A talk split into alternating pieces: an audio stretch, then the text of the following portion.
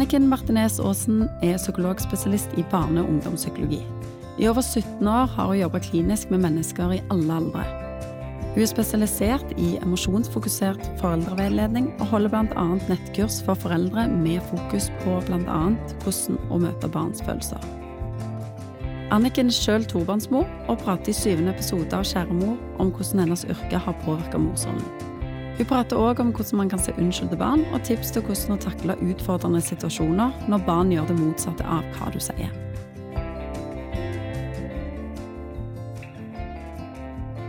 Velkommen til podkasten Kjære mor, Anniken. Tusen takk. Så stas å ha deg med. Jeg er veldig glad for at jeg har eh, fått deg her. Fordi du er jo eh, spesialist i barne- og ungdomspsykologi. Det stemmer. Og det var faktisk et ønske for meg, da. Når jeg eh, begynte å tenke på å lage denne podkasten, så hadde jeg så lyst til å, å få med en, eh, en psykolog, og da barnepsykolog, da. Mm. Så jeg er veldig glad for at du sa ja. Ja, tusen takk. Veldig hyggelig å være her. Og litt skummelt. Litt skummelt, ja. Ja. Så hvorfor er det skummelt? Nei, det skal jo fortelle og si Kanskje gi noen gode råd, eller jeg Ja. vet ikke. Ja. Mm. Nei, men jeg har lyst til å bare begynne med en litt sånn introduksjon. Hvordan er livet ditt som mor nå? Ja, jeg har da to barn. Mm. Um, jobber jo som psykolog og har uh, full uh, hektisk uh, hverdag som mange andre med Ja, vi hadde jo en klassisk start på dagen i dag, vil jeg si, hvor jeg løper hjemmefra.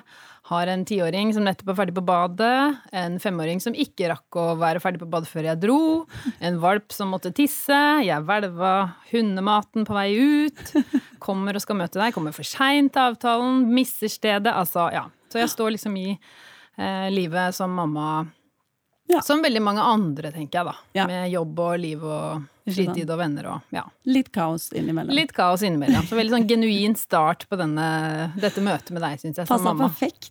Ja. Ja. Sånn halvsvett og stressa når jeg kommer inn her. Akkurat sånn det skal være. Ja, ja, ja. Mm. Så bra. Men hvilken type mamma, type mamma vil du si at du er? Ja, jeg tror jeg er en mamma som liker å snakke mye med barna mine, da. Mm. Um, og liker å være sammen med dem. Veldig glad i barn. Mm. Um, og er nok skulle ønske at jeg var en mer sånn strukturert mamma, kanskje. Så har sånn ideal om at jeg burde vært det. Okay. Uh, jeg tror jo veldig mange foreldre har med så mange sånne burder, da, som det er bare stress egentlig å ha med seg. Men egentlig så er jeg nok en litt sånn uh, uh, ja, glad i å være sammen med de. Mm. Litt dårlig på planlegging. Sånn type mamma tror jeg er. Men glad i å prate med de og nysgjerrig på hva de tenker, og veldig opptatt av hvordan de føler seg, selvfølgelig. Da. Som psykolog så er jeg kanskje nesten programforplikta til det, men det, Ja. men det er jeg veldig. Ja. Veldig glad i å bruke tid med de, da. Ja. ja, for det, jeg hadde lyst til å gå inn på det. Um, for hvordan føler du at det, yrket ditt har påvirka deg som mor? For du er litt inne på det nå, det der med Mm. at du er opptatt av å prate, da. Uh, hvordan uh, føler du at det ja, har hatt stor påvirkning på deg? Mm. Ja, jeg syns det har påvirka meg veldig. Um, og, og um, nå har jeg vært psykolog så lenge, så det er kanskje nesten vanskelig å begynne å tenke hvordan hvordan ville jeg vært som mamma uten faget mitt? Men eh, jeg tror at det påvirket meg mye. Og jeg tror at særlig det at jeg har fått en stor Eller hva skal jeg si? At jeg er veldig nysgjerrig på mine egne følelser også. Mm. Jeg tror at det å være mamma, det trigger vårt eget veldig, da. Mm. Eh, og det vet jeg ikke om jeg ville vært så klar over hvis jeg ikke hadde vært psykolog. Nei. Eh, fordi jeg blir så opptatt av ikke sant, at jeg, har mye trening i å undersøke hva er det som foregår inni meg, Mm. og hvordan påvirker det andre. Eh, mens når jeg blir mamma, så er det jo på en måte litt det motsatte som skjer. At jeg påvirkes jo veldig av de barna. Og må liksom rydde mye i det, da. Ikke sant? Hva, er det som, er det som hold, er det som skjer i meg i møte med barnet mitt? Mm. Og hvordan skal jeg håndtere det? Ja. Så du driver del sånn sjølterapi, nesten? Ja, mye sånn, mye sånn eh, i, altså, sant? Både undersøke hva foregår i barna mine, men også hva foregår i meg. Ikke sant? Hva holder jeg på med nå overfor barnet mitt? Blir dette en maktkamp hvor jeg blir dratt inn i eh, Ja, hvor jeg nesten blir fem år sjøl og skal vinne diskusjonen, og blir sur fordi ungen min ikke hører på meg, eller prøver jeg å løse saken, ikke sant? Altså Mm. at det er Ja, at jeg eh, i kraft av å være psykolog at jeg eh, blir veldig nysgjerrig på de prosessene. Det betyr jo ikke at det er så mye lettere for meg, kanskje, men at jeg er i hvert fall veldig nysgjerrig på det, da. Mm. Og opptatt av det. Og kan bruke mye tid på å tenke på ja, hvordan, hvordan Hva skjedde? Ikke? Hva skjedde mellom meg og ungen min nå? Hvorfor skjedde det? Hvorfor ble det sånn? Hva kan jeg gjøre på en annen måte neste gang? Eller Ja. er det noe jeg må si unnskyld for? Eller ja. Ikke sant? Ja. Mm. Det er jo fint at du går så analytisk til verks. Det Mm. tror jeg eh, flere har eh, godt av. Fordi du eh, har jo et foreldrekurs ja. på klinikken du jobber på. Ja. Eh, kan du fortelle litt hva dere jobber med der? Ja, altså jeg har jo spesialisert meg i det å møte barns følelser, da. Det er det som er liksom mitt eh, hovedfelt akkurat nå, eller det jeg er veldig opptatt av. Um, og da har jeg lagd et digitalt nettkurs som man kan eh, ta og følge med på og lære litt mer, både lære litt mer om følelser, men også lære litt mer om hvordan man kan møte sterke følelser hos barn, da. Em, og akkurat det nettkurset er retta mot litt mindre barn. Ja. Men det er mye sånn generell informasjon om hva følelser er, hvorfor vi har det, og hvordan vi foreldre kan håndtere det, da. Eh, Og vel så viktig så handler det om å lære om sine egne følelser også, ikke sant. Altså hvorfor har vi de følelsene, og hva gjør det med oss? For vi styres jo veldig av det. Og en av de tingene som jeg er veldig opptatt av, er jo dette med at eh, jo dårligere vi kjenner følelsene våre, jo mer styres vi av de. Og det er jo litt paradoksalt, egentlig, fordi at eh, eh, hvis, man, hvis man ikke skjønner hva som foregår på innsida, så vil man få mye sterkere? Man vil oppleve følelsene sine ganske sterkt, og så vil man havne i så vil man styres av det, men hvis man, hvis man trener da, på å bli kjent med sitt eget og med sine egne følelser, så vil man i større grad klare å tenke å ja, nå har jeg det sånn, jeg forstår hvorfor det er sånn, og så vil man kanskje klare å velge litt mer hvordan man skal handle på det eller ikke, som voksen. Og, og dette er jo inn, litt sånn innhold i det kurset òg, at det, det er det vi må hjelpe barna våre til. Det er, det, som er, det er derfor jeg er så opptatt av at det er viktig å møte barns følelser på en ok måte, fordi det er sånn barna våre også lærer å håndtere sine følelser. Sånn at de skal tåle sitt eget bedre, da. ja. Og så vet vi noe om at jo bedre vi tåler våre egne følelser, jo bedre klarer vi å møte andres også. Ja. Sånn at eh, hvis vi gir barna våre en emosjonell kompetanse, da, som er egentlig det det handler om, så vil de Vi vet at det henger sammen med bedre psykisk helse, vi vet at det påvirker hvordan de klarer å være med vennene sine, vi vet at det gir ja, bedre regulerte barn og unge, da, på en måte. Og, og det blir mindre konflikter i familien. Det blir lettere å samarbeide med barna sine. ja. Det er jo sånn for oss voksne, òg, det er jo lettere å samarbeide med en som vi har en god relasjon til og god kontakt med, Ja, enn en som vi får masse kjeft av. Ja, ja. Så det Men opplever du i det kurset òg at det er mange eh, foreldre òg som, eh, som oppdager at det er jo ikke nødvendigvis bare sånn de er med barna sine, men òg faktisk de eh, rundt seg òg. For jeg så så vidt på den videoen du har lagt ut på hjemmesida, at eh, du snakka litt om det òg. mm. er det flere som får litt sånne aha-opplevelser, kanskje, eller? Ja, altså dette Det er jo sånn at den måten vi reagerer med barna våre på, sånn er det jo lett at vi reagerer i andre emosjonelle settinger også. Så det å bli god på å håndtere følelser hos barna våre gjør oss jo også bedre, håndte- bedre rusta da, til å håndtere følelser i møte med andre. Så og det er mange altså det, å, det å være en god forelder, det tror jeg Det er jo et eller annet med at det er en slags sånn billett til å kunne utvikle seg som menneske òg, da. At det, du vil Du blir så satt på prøve på så veldig mange områder at det å gripe den sjansen og tenke ok, hvordan kan jeg Hva skal jeg, hva skal jeg gjøre med den muligheten her? Ikke sant? Her kan jeg, her kan jeg um, jobbe med meg sjøl, da. Ja. Og uh, utvikle meg. Så det syns jeg er veldig spennende, da. Og det Ja. tror jeg mange foreldre òg syns. Det, syns- de syns. det er jo gøy å få god kontakt med barnet sitt. Og få ja. det til. Mm. Ja, det er en god følelse. Mm, veldig. Men eh, For du er jo barne- og ungdomspsykolog. Mm. Eh, går det an å liksom sammenligne altså, utfordringene hos foreldre som er, har småbarn, Ja. og de som har tenåringer? Er det mye likt, eller er det noen ting som er veldig ulikt eh, som du møter på? Altså, det er jo én stor forskjell for veldig mange av de ungdomsforeldrene som jeg møter, og det er jo at ungdommene ofte avviser oss mye sterkere enn det barna våre, de småbarna våre gjør. Og det er klart at uttrykket kan være litt annerledes, men jeg tror at for ungdomsforeldre Altså jeg må si jeg har et veldig stort hjerte for ungdomsforeldre, for de står jo i veldig mye avvisning fra ungdommen sin ofte. Og må klare seg på veldig, veldig lite sånne små øyeblikk av hyggelig kontakt av og til. ikke sant? Altså at de på en måte bare aksepterer og strekker seg så utrolig langt da, for å få um, For å være greie med ungdommene sine, på en måte. Mm. Så det, det, må jeg si at det er um, Ja ære være ungdomsforeldrene. Det er ikke alltid så lett, Nei. tenker jeg.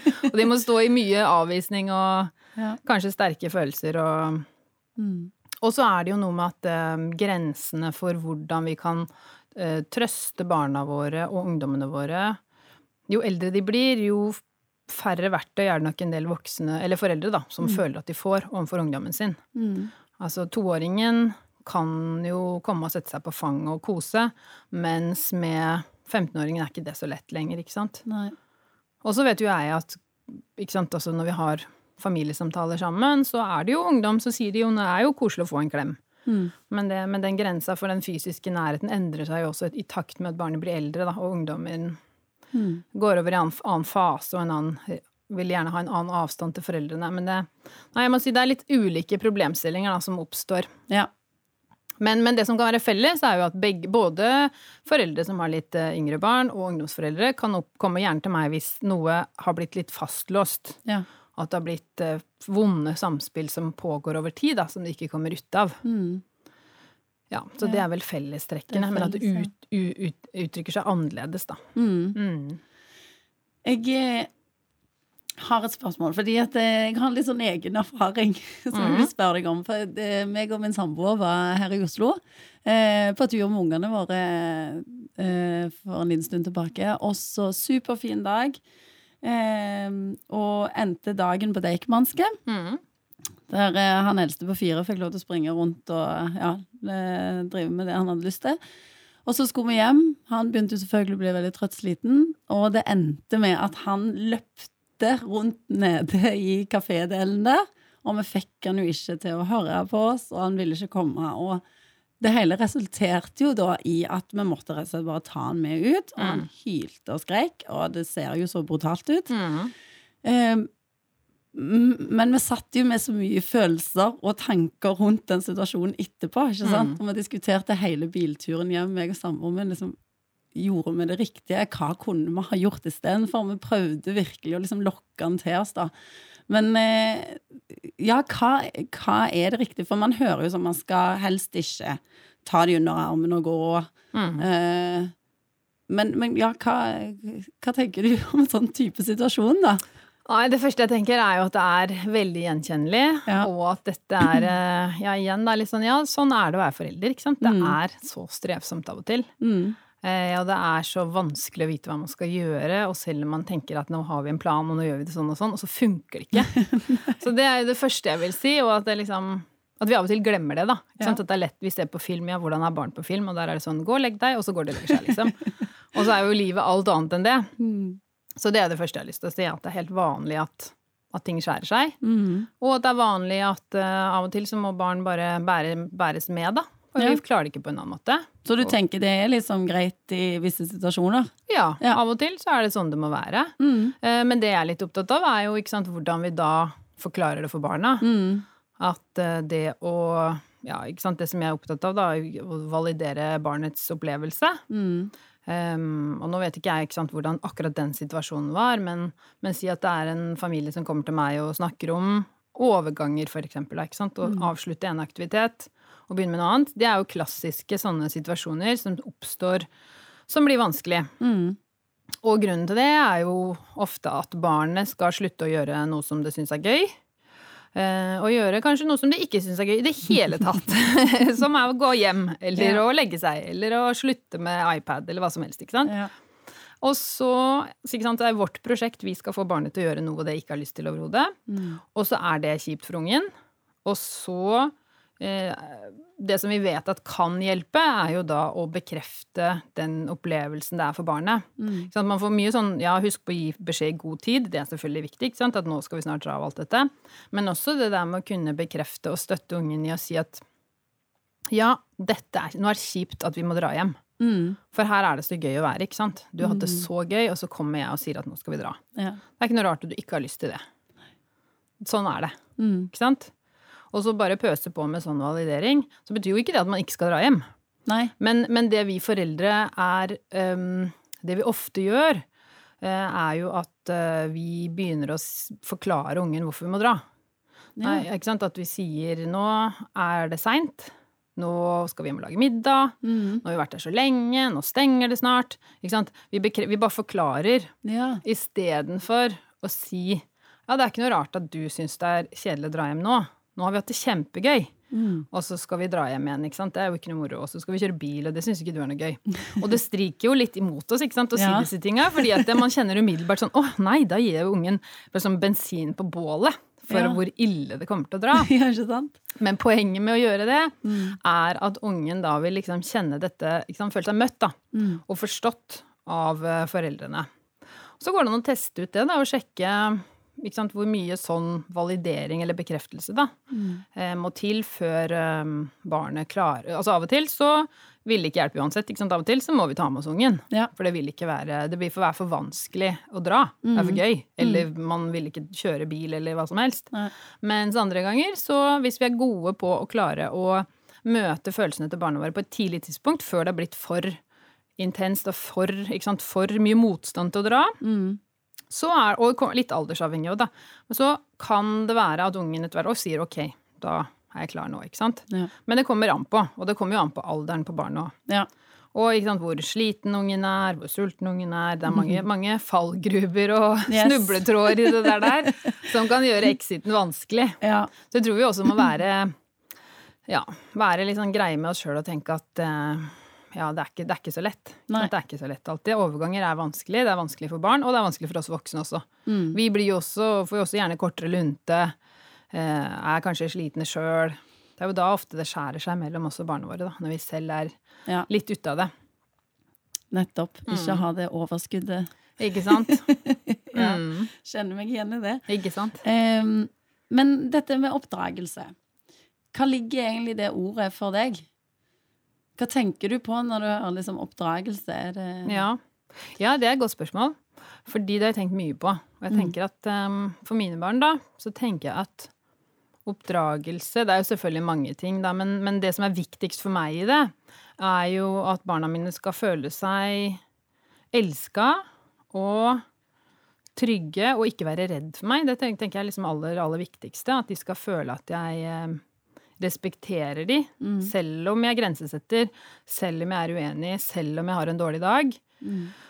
At jeg skal um, Ja, at jeg skal jobbe veldig hardt med å ikke gå over den grensa, da. Ved å snakke for stygt til det eller være devaluerende, på en måte. Mm. Og det høres jo ut som er sånn flott ord, men jeg tror at, uh, tror at det er uh, At vi alle, da, har sagt ting til barna våre som vi angrer på, før eller siden. Mm. Og at det, eller ikke, kanskje ikke alle, men veldig mange av oss, da, ikke sant. Og at det kan være veldig sånn skambelagt.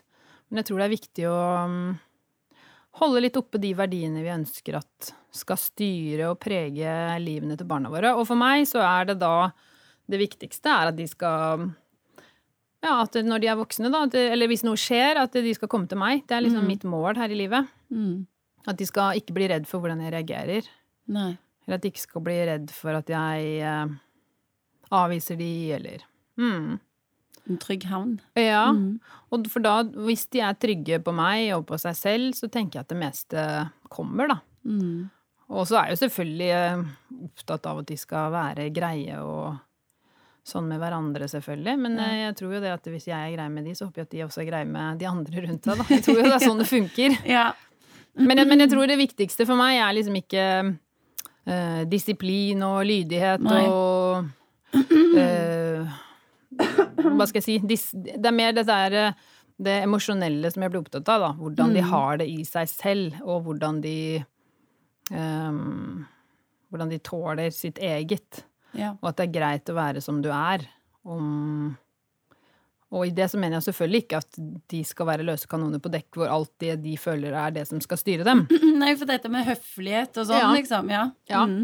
Så det er jo på en måte det motsatte, men jeg tenker jo at jo bedre de kjenner seg sjøl, jo bedre vil de klare da å eh, regulere seg om andre også, da. Mm. Så det blir opptatt av. Altså at um, Ja, og så Det er litt beslekta med det du spurte meg om i starten, ja, hvordan jeg er som mamma. Jeg er jo ikke så opptatt av at det er en sånn fasit på alt. Nei.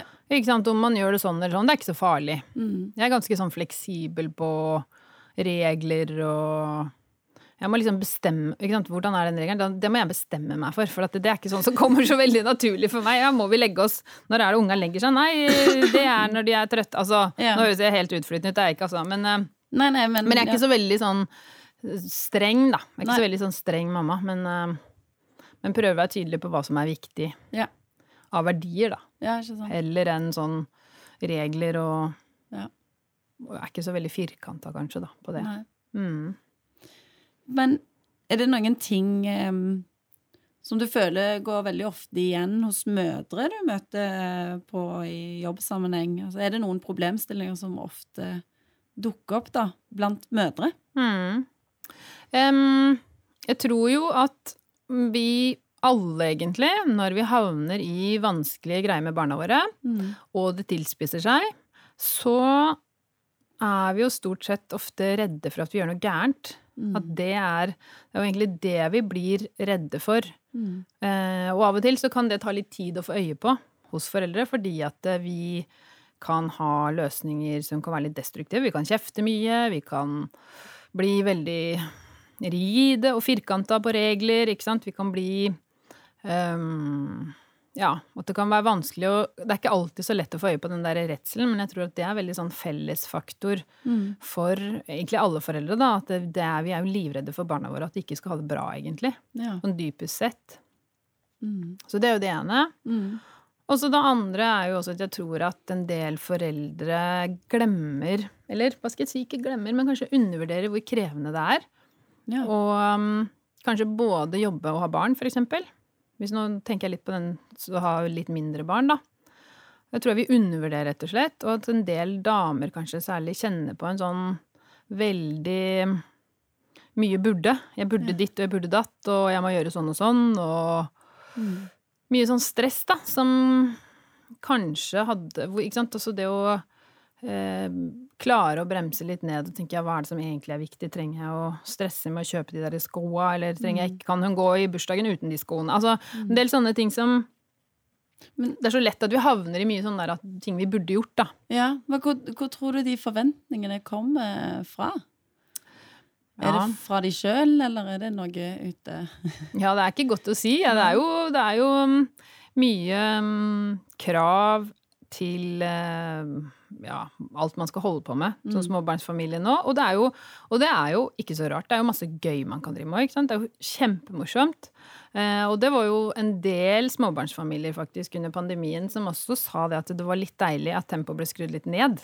For det var litt færre ting man skulle. mm. Og så er det et eller annet med at eh, nå som det åpner opp igjen, så starter de jula igjen. Og så er det jo Vi er jo med på ting fordi det er gøy, først og fremst, ikke sant? Mm. Så jeg tror liksom ikke at det er noe sånn um, dårlig i Altså, de kravene kommer både fra oss selv, fordi vi har lyst til å være med på ting, eller vi har lyst til å ha det gøy, eller at det skal være fint. Mm. Mens på et eller annet tidspunkt så blir det kanskje for mange ting, da. Ja, at gøy går over til stress, Ja, kanskje. ikke sant? Og, den der, og det, det er liksom en evig balansegang, syns jeg, som, som man aldri løser heller helt. Fordi at det sekundet man har funnet litt balansen på det, så har ungen blitt eldre. Ja. Og så er det nye greier. Og så skal du begynne å venne deg til det. Ja. Og så det det derre forandringene da i utvikling hos barna våre, hvor vi alltid halser bitte litt bak. For vi har akkurat vent oss til. Jan, sånn her løser vi det nå, ikke sant. Nå er jeg oppe og nikker, nå får jeg det til. Og så smikk, så er de bitte litt eldre, og så har ikke vi helt skjønt det. Nei. Og så henger vi etter og gjør det samme som vi gjorde før, og så funker ikke det lenger. Så det der å justere den derre mengden i livet, Mm. det tror jeg, det tror jeg vi undervurderer eh, hvor stressende det er, da. Mm. Jeg tror vi glemmer at det er krevende, og så tror jeg vi kanskje forklarer det med at vi Det er mye skyldfølelse, da. At vi er dårlige, at vi burde gjort ting på en annen måte. Eller hvis jeg bare hadde planlagt det bedre, så hadde det ikke blitt så slitsomt, eller Mm. Men noen ting er ganske slitsomt uansett, da. Ja. Og det skal være lov å si, Ja. Ja. Mm. Og det skal være lov å si, og at det er lov å si nei, og at det her orker jeg ikke, og jeg har lyst til å gjøre det på en annen måte, eller Mm. Og det At det er lov å tenke at eh, Nei, jeg orker ikke å ha alle de unga på besøk nå, eller nå må vi gjøre det på en annen måte, eller Ja. Mm. Og det er nok ikke så lett alltid, da. Nei. Nei, det er jo ikke det. Også, og, det, og det er ikke så rart heller, for vi, vi er jo opptatt av at um, ja, at barna våre skal ha venner, være inkludert. Ikke sant? Det er mange grunner til at vi Eller lære ting, utvikle seg. Det er mange ting, grunner til at barna Eller at barna selv vil gå på masse aktiviteter, for eksempel. Ja. Uh, Så det der å finne ut av hva som er passe i ens egen familie Mm. For det fins ikke noe fasit heller. Det er det som jeg er jo litt opptatt av. At Ja. det er lett å tenke at sant, Vi ser sånne råd om at man må så og så mye skjermtid, eller bare en aktivitet, eller ikke sant. Ja. Altså, men så tenker jeg at det fins jo heller ikke noe fasit. Nei, det gjør ikke det. Og man, man kan jo- jo fort gå seg litt vill i alle disse Ja. rådene òg. Ja. Ja. Og så kan man jo få en unge som er helt annerledes fra en sjøl. Ja. At man selv tåler masse greier, mens ungen ikke gjør det. Mm. Eller motsatt. Mm. Sånn at det, det der å Eller kanskje du har flere barn som er ulike, ikke sant? med ulike behov. Så det å finne en sånn balanse på de greiene der, det er ikke så lett alltid, da. Nei. Hm. Men i jobbsammenheng em, hvilke, hvilke utfordringer eh, hos foreldre eller, er det som er mest krevende, som du møter på? Som du Ja, som kanskje er mest eh, krevende sånn terapimessig, da? Eller ja? Eh, For meg som terapeut, tenker du? Ja.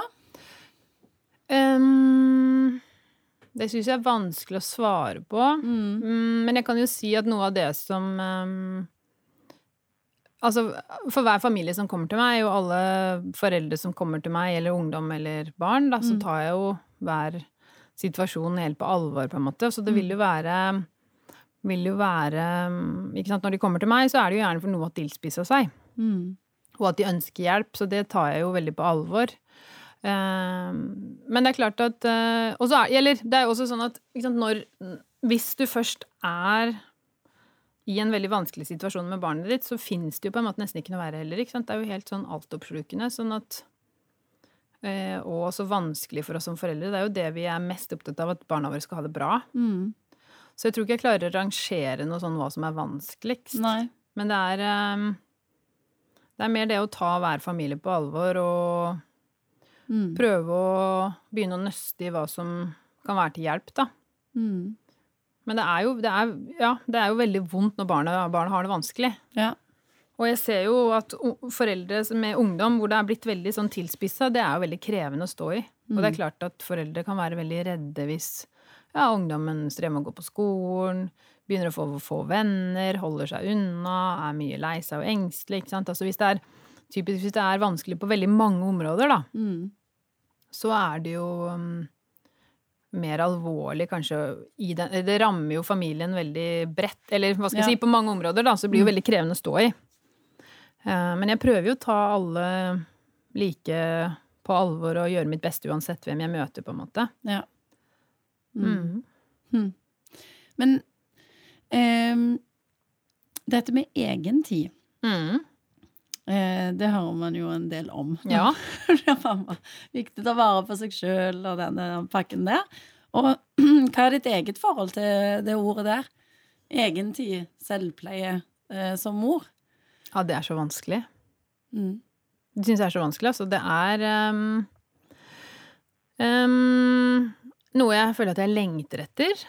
Eh, og, hva, og så tenker jeg ja, hva skal jeg gjøre når jeg har den der egentida, da? Da plutselig sitter jeg bare og ser på TV-en, liksom. Men det digger jeg, da, så det er jo Ja. greit nok. Men, men, um, men ja, nei, det syns jeg Jeg husker jeg var i hovedpraksis da jeg var student, og så møtte jeg en psykolog, og så hadde han, han hadde ett barn. Mm. Og så sa han ja, Anniken, det er helt topp å ha barn, men vet du hva? Jeg er jo aldri alene. Jeg holder på å bli helt gæren, jeg. Sa han til meg da. Og så tenkte jeg sånn, Det har jeg tatt med meg som en litt sånn viktig, viktig lærdom fra en Ja. voksen psykolog eh, i min egen eh, foreldrerolle, da, fordi at eh, jeg er også sånn som liker å ha egentid, Mm. og har jo ikke så mye av det som forelder. Eh, Så det syns jeg faktisk er litt sånn vanskelig. Det er litt sånn, og så er det litt upopulært å si, ikke sant? at man skal si sånn 'Å nei, nå har jeg ungefri', liksom. Det er blitt et sånn skjellsord. Det er barnefri. Barnefri, ikke sant? ja. Det skal man ikke drive og etter, lengte etter. Men jeg, men jeg tenker det er helt ok å mm, Helt ok at man savner å være alene, og at det er helt ok at det er deilig hvis man først er det. Mm. At man ikke trenger å ha dårlig samvittighet eh, hvis man syns det er digg at unga har dratt til besteforeldre, eller Mm. ja, at man har litt eh, tid for seg selv, da. Ja. Men jeg tror det viktige er å prøve å finne, prøve å finne mm, de små lommene. Mm. Jeg tror at eh, det er lett at?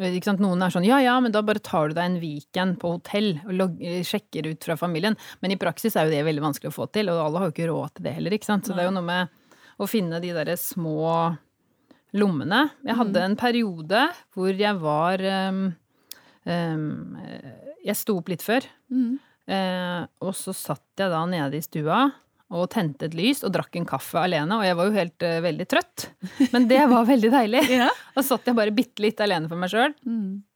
og um, hadde et moment der nede, da. Ja. I stua uten lys. Eller bare med det der stearinlyset. ja. Så det var en liten sånn eh, i desperasjon for å være bitte litt alene. Ja. Mm, det var veldig deilig. ja, det kan jeg godt se. En sånn start på dagen òg. Ja, sånn. Med ro. Helt stille. Ja. Mm. Men, men det er det, man må bare finne hva ikke sant? Man må legge lista lavt, tenker jeg. Man må finne bitte små Mm. Man må legge det, ikke sant? Det må ikke være sånn at ja, da skal jeg få trent fire ganger i uka, da har jeg nok da det, Eller hvis Nei. ikke, så er det ikke egen tid. Men det er et eller annet med å finne gjennomførbare småting, da. Mm. Som kan gi litt påfyll. Ja. For det er helt avgjørende det der med at vi selv har litt å gå på. Ja. For å klare å få det til i familielivet, da. Mm. Er det en ting du opplever å møte på i jobbsammenheng eh, med mødre som ikke er gode nok på det? Ja, og, Mm. og ikke det egentlig det at de ikke er gode nok på det, men at det livet Det er veldig vanskelig at livet Eller kanskje sant, at livet har blitt sånn at akkurat nå er det ikke plass. Mm. Nei, Ikke sant? Altså at det er, at det er um, Det er jo gjerne i de periodene hvor vi har det tøft sjøl, Mm. at vi får det også vanskelig med Eller da kan det også bli vanskelig med barna våre, da. Mm. Hvis vi står i vanskelige greier på jobben, hvis vi sover dårlig, hvis vi har en tøff periode, så smitter jo det typisk over på hvordan vi får til samspillet med barna våre også. Mm. Og det er ikke noe rart. ikke sant? Det er ikke at vi er dårlige, men det er mer at vi det, Da er det vanskeligere. For vi har lite å gå på. Mm. Så det å være litt sånn raus med seg sjøl Da da er det jo lett å bli selvkritisk. Da, ikke sant? For man tenker ja, fy fader, nå har jeg det så slitsomt på jobb, og så i tillegg så er jeg en sånn drittmamma som kjefter og smeller og tåler ingenting og Mm. Men det å ja, senke kravene litt da, når man har det sånn, og for det første bare se på seg selv med litt vennlighet og si sånn ja, sånn er livet mitt nå. Mm. Det er ikke rart at det er krevende for meg nå. Det er ikke rart at jeg blir litt aggete. Det er ikke så lett. Sånn er det mange som har det. Det er ikke så lett. Og også se hva man kan gjøre for å eh, lette litt, da, i situasjonen. Om det er forenkla middager eller litt mer Ser de litt mer på barne-TV-en, da, eller er det noe jeg kan spørre om hjelp, eller ikke sant. Mm. Sånne ting. At det er lett å bare ta det på seg sjøl, da. Føle seg ubrukelig. Ja. Mm. Men at sånn er jo livet innimellom, ikke sant. Innimellom så er det tøft. ja. Det er. Mm. Mm. Mm, og det er ikke alltid vi kan fikse det heller. Ikke sant? Det er ikke alltid å bare Vi kan ikke bare tenke oss ut av det, eller Det er tøft mens det står på. Sånn er det. Kanskje er det sånn igjen over en lengre periode òg, hvis man er syk, eller ja, Mm. gå gjennom det tøft, da. ja. Mm. Er det eh, Altså, dette med dårlig samvittighet Det er jo Du var litt inne på det tidligere her, det er jo ofte noe som går igjen. Mm. Em, hva er det du liksom tenker er ofte det som eh, Ja, fører til at man liksom sitter med en sånn dårlig samvittighet? Er det det at man ikke føler at man strekker nok til sånn generelt i morsånden, eller ja?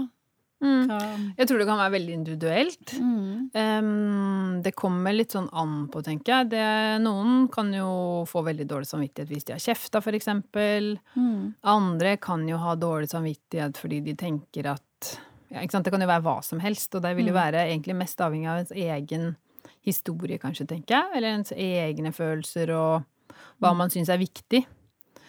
Men det er klart at eh, hvis man har det vanskelig over tid, så Eller hvis man har mye sånn negative samspill f.eks. med barnet sitt, så er det jo mange som eh, har mye dårlig samvittighet fordi de har kjefta for mye, eksempel. Ja. At de tenker at eh, fader heller, jeg sier jo stygge ting, eller Mm. jeg sårer jo ungen min, eller Det er jo kjempevondt. Kjempevondt å kjenne på. Mm. Så Men det er mye dårlig samvittighet uh, ute og går. Altså det er mye Ja. vi kan eh, piske oss sjøl med for alt mulig, ikke sant. Ja. Og at det er individuelt hva hvilken, Hvilken pisk vi henter fram, det tror jeg er veldig individuelt. Men Mm. at det, det er mye Det er veldig lett å holde på med det, da. Ja. Mm.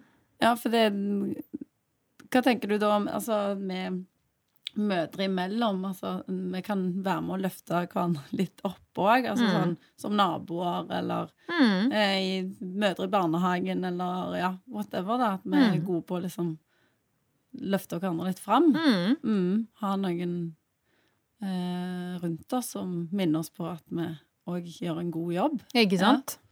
Ja, og at man kan si, ikke sant, at man kan si, vet du hva, nå syns jeg det Jeg har så dårlig samvittighet fordi i går så ble jeg, var jeg så sur, jeg. Mm. Og så kan andre si sånn Det som er fristende å gjøre da, er jo at vi får lyst til å si Nei, men herlighet, det Ikke tenk på det, det går bra.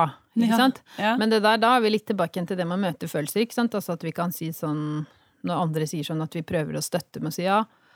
Ja, det er ikke noe rart å tåle sånn, det er kjipt, ikke sant? Å ja, så kjipt å ha det sånn. Ja. Det, sånn har jeg det òg av og til, ikke sant? Mm. Så ikke føle seg så alene i det, da. Nei, sant.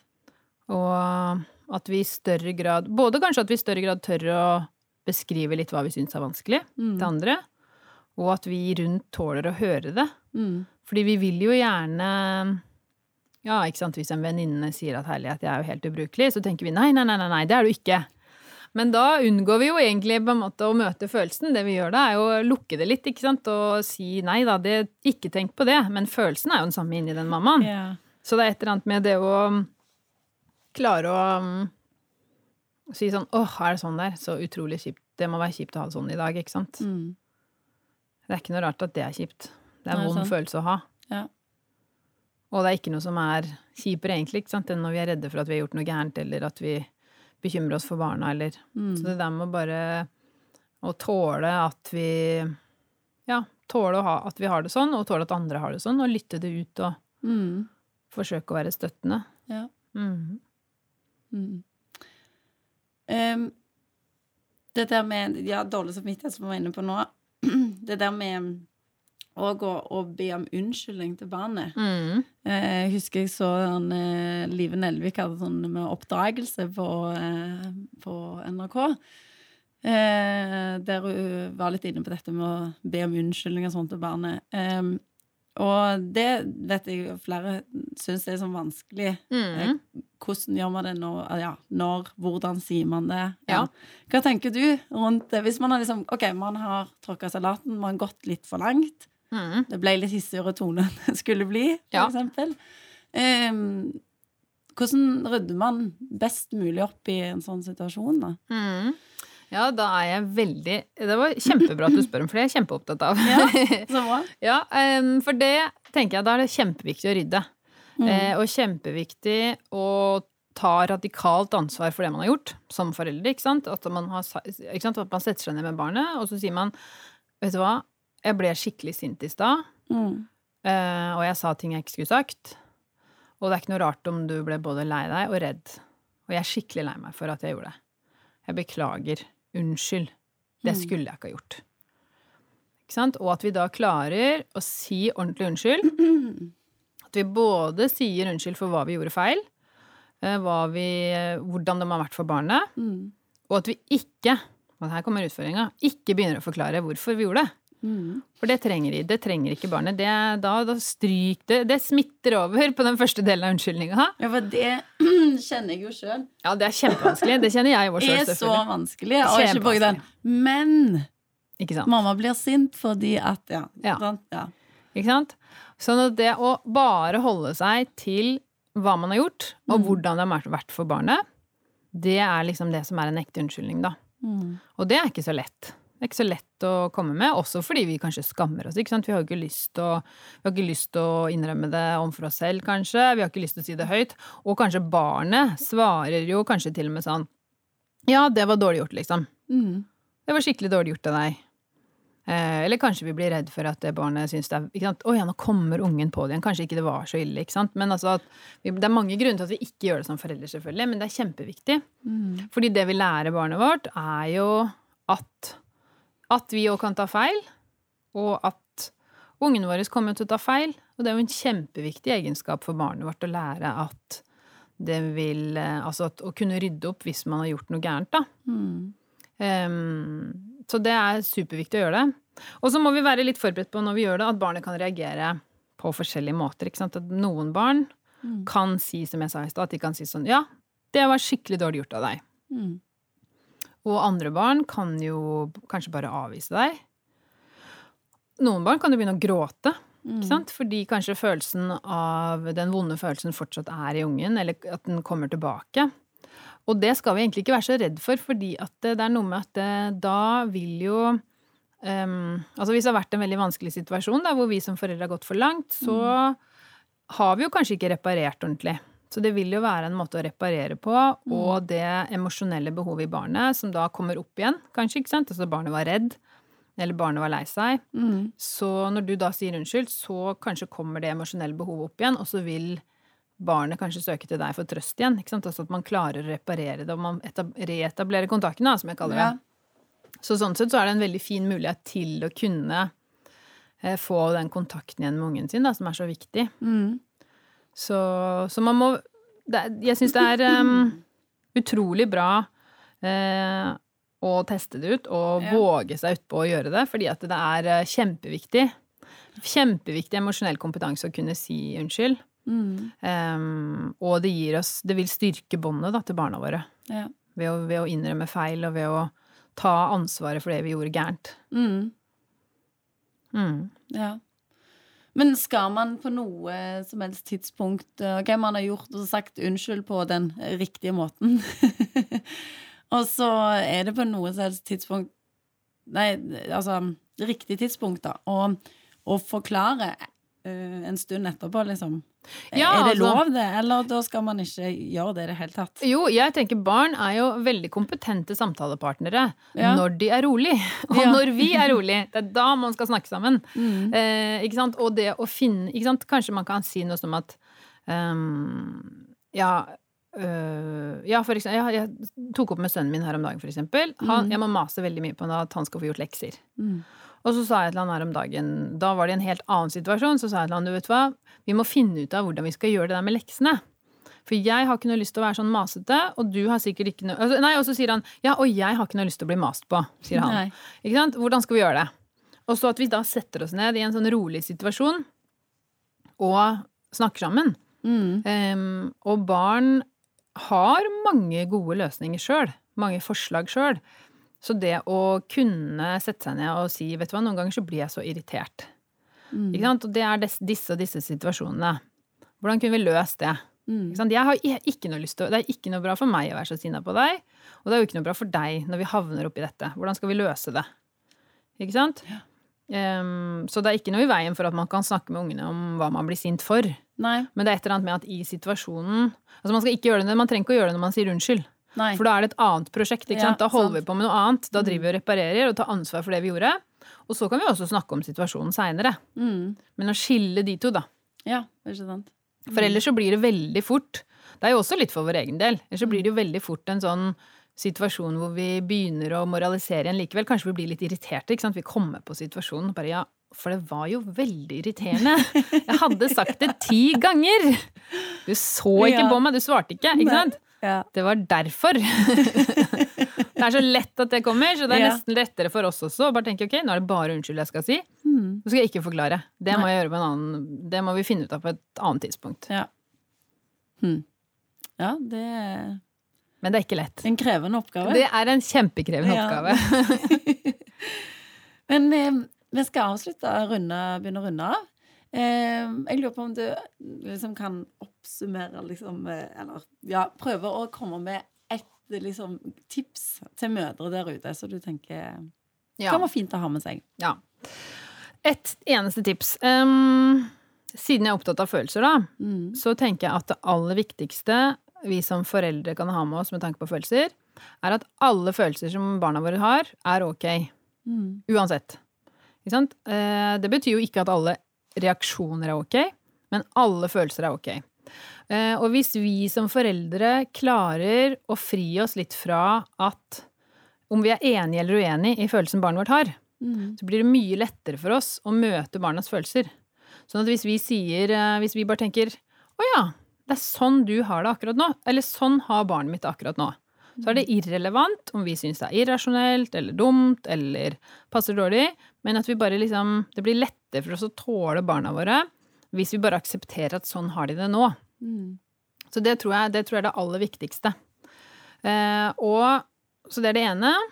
Og det andre jeg vil si, er at um, hvis vi klarer å møte de følelsene barna våre har, da, og faktisk møte de med respekt, så vil eh, veldig mye være gjort. Mm. Det blir mye lettere det blir, med, altså det blir lettere med grenser, det blir lettere med overganger, det blir lettere med det meste. Mm. Hvis vi klarer å få til gode samspill med barna våre og møte følelsene deres, da. Ja. Og så det siste jeg vil si, at det er ikke så lett å være forelder. Nei. Det må man bare huske på. Og bare ha det med seg. Det det er ganske krevende, Ja. og det er helt ok. Sånn er det. Mm. Ikke sant? Nesten skrive det på en Post-It på Ja. speilet. Ja. Det betyr ikke at man gjør noe feil, det betyr at sånn er det å være forelder. Det er kjempekrevende. Mm. Og gøy. Og gøy. Ja. Ja. Mm. Det aller siste spørsmålet mitt er og, hvem du vil tipse om til denne podkasten som gjest. Ah. Er det noen du tenker kunne vært spennende å høre noe om? Det, Ja, da må jeg bare tenke litt. Ja, hvem hadde det vært gøy å høre som, som mamma, tenkte du? ja. Ja. Ja, det er jo mange, det. Mm. Ja, det må jeg bare få litt tenketid på. Er det noen du kjenner, eller bare noen du eh, tenker kunne Ja, som er litt kjent, tenkte du? Som, Ja, eh, det, eller eh, Eller noen som ikke er kjent òg. Ja, ja, ja. Ja. Um, Oi, det ble veldig vanskelig å ta sånn på sparket. Ja. Eh, Det er ofte litt sånn tricky spørsmål. Ja, ja, ja. Eh, Nei, hvem det er som um, Altså, i en sånn drømmeverden så hadde jo kunne, det hadde vært veldig interessant å høre en eldre dame, da. En, en mamma som er kanskje 70. Ja. Ikke sant? Som eh, hvordan hun beskriver det å være mamma, sammenligna med, med de som er mødre i dag. ja. Så min umiddelbare tanke var liksom å høre mormoren min, men hun lever jo ikke lenger, så det vet jeg ikke hvordan det er. Men um, nei, la meg tenke. Det var ekstremt vanskelig. Jeg eh, er jo interessert i alle mødre, jeg. ja. Mm, Men en litt eldre mm, det hadde vært veldig spennende. Ja. Mm. Kanskje mormor og Ja, Mm. litt eh, mormor eller farmor. Ja. Mm, ikke sant? Mm.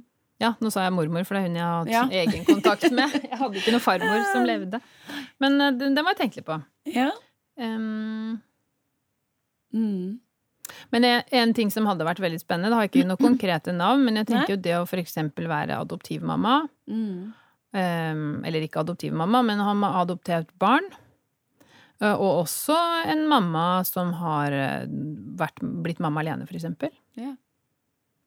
Det hadde også- også vært spennende Mm. å høre hvilke tanker, uh, hvordan det har vært. Ja. Mm. Hvordan det står i det. Mm. Ja, Mm. fint. Mm. Jeg skal researche litt. Ja. Så se. Mm. Men eh, tusen hjertelig takk for at uh, du eh, ville komme og svare på disse spørsmålene mine. Veldig spennende å høre deg uh, snakke. Og ja, det er så bra at um, det fins folk der ute som vil eh, jobbe med det du jobber med, for det er så viktig. Og det er så spennende og meningsfullt. Ja. Så tusen takk for meg. Veldig hyggelig. Takk. Tusen takk.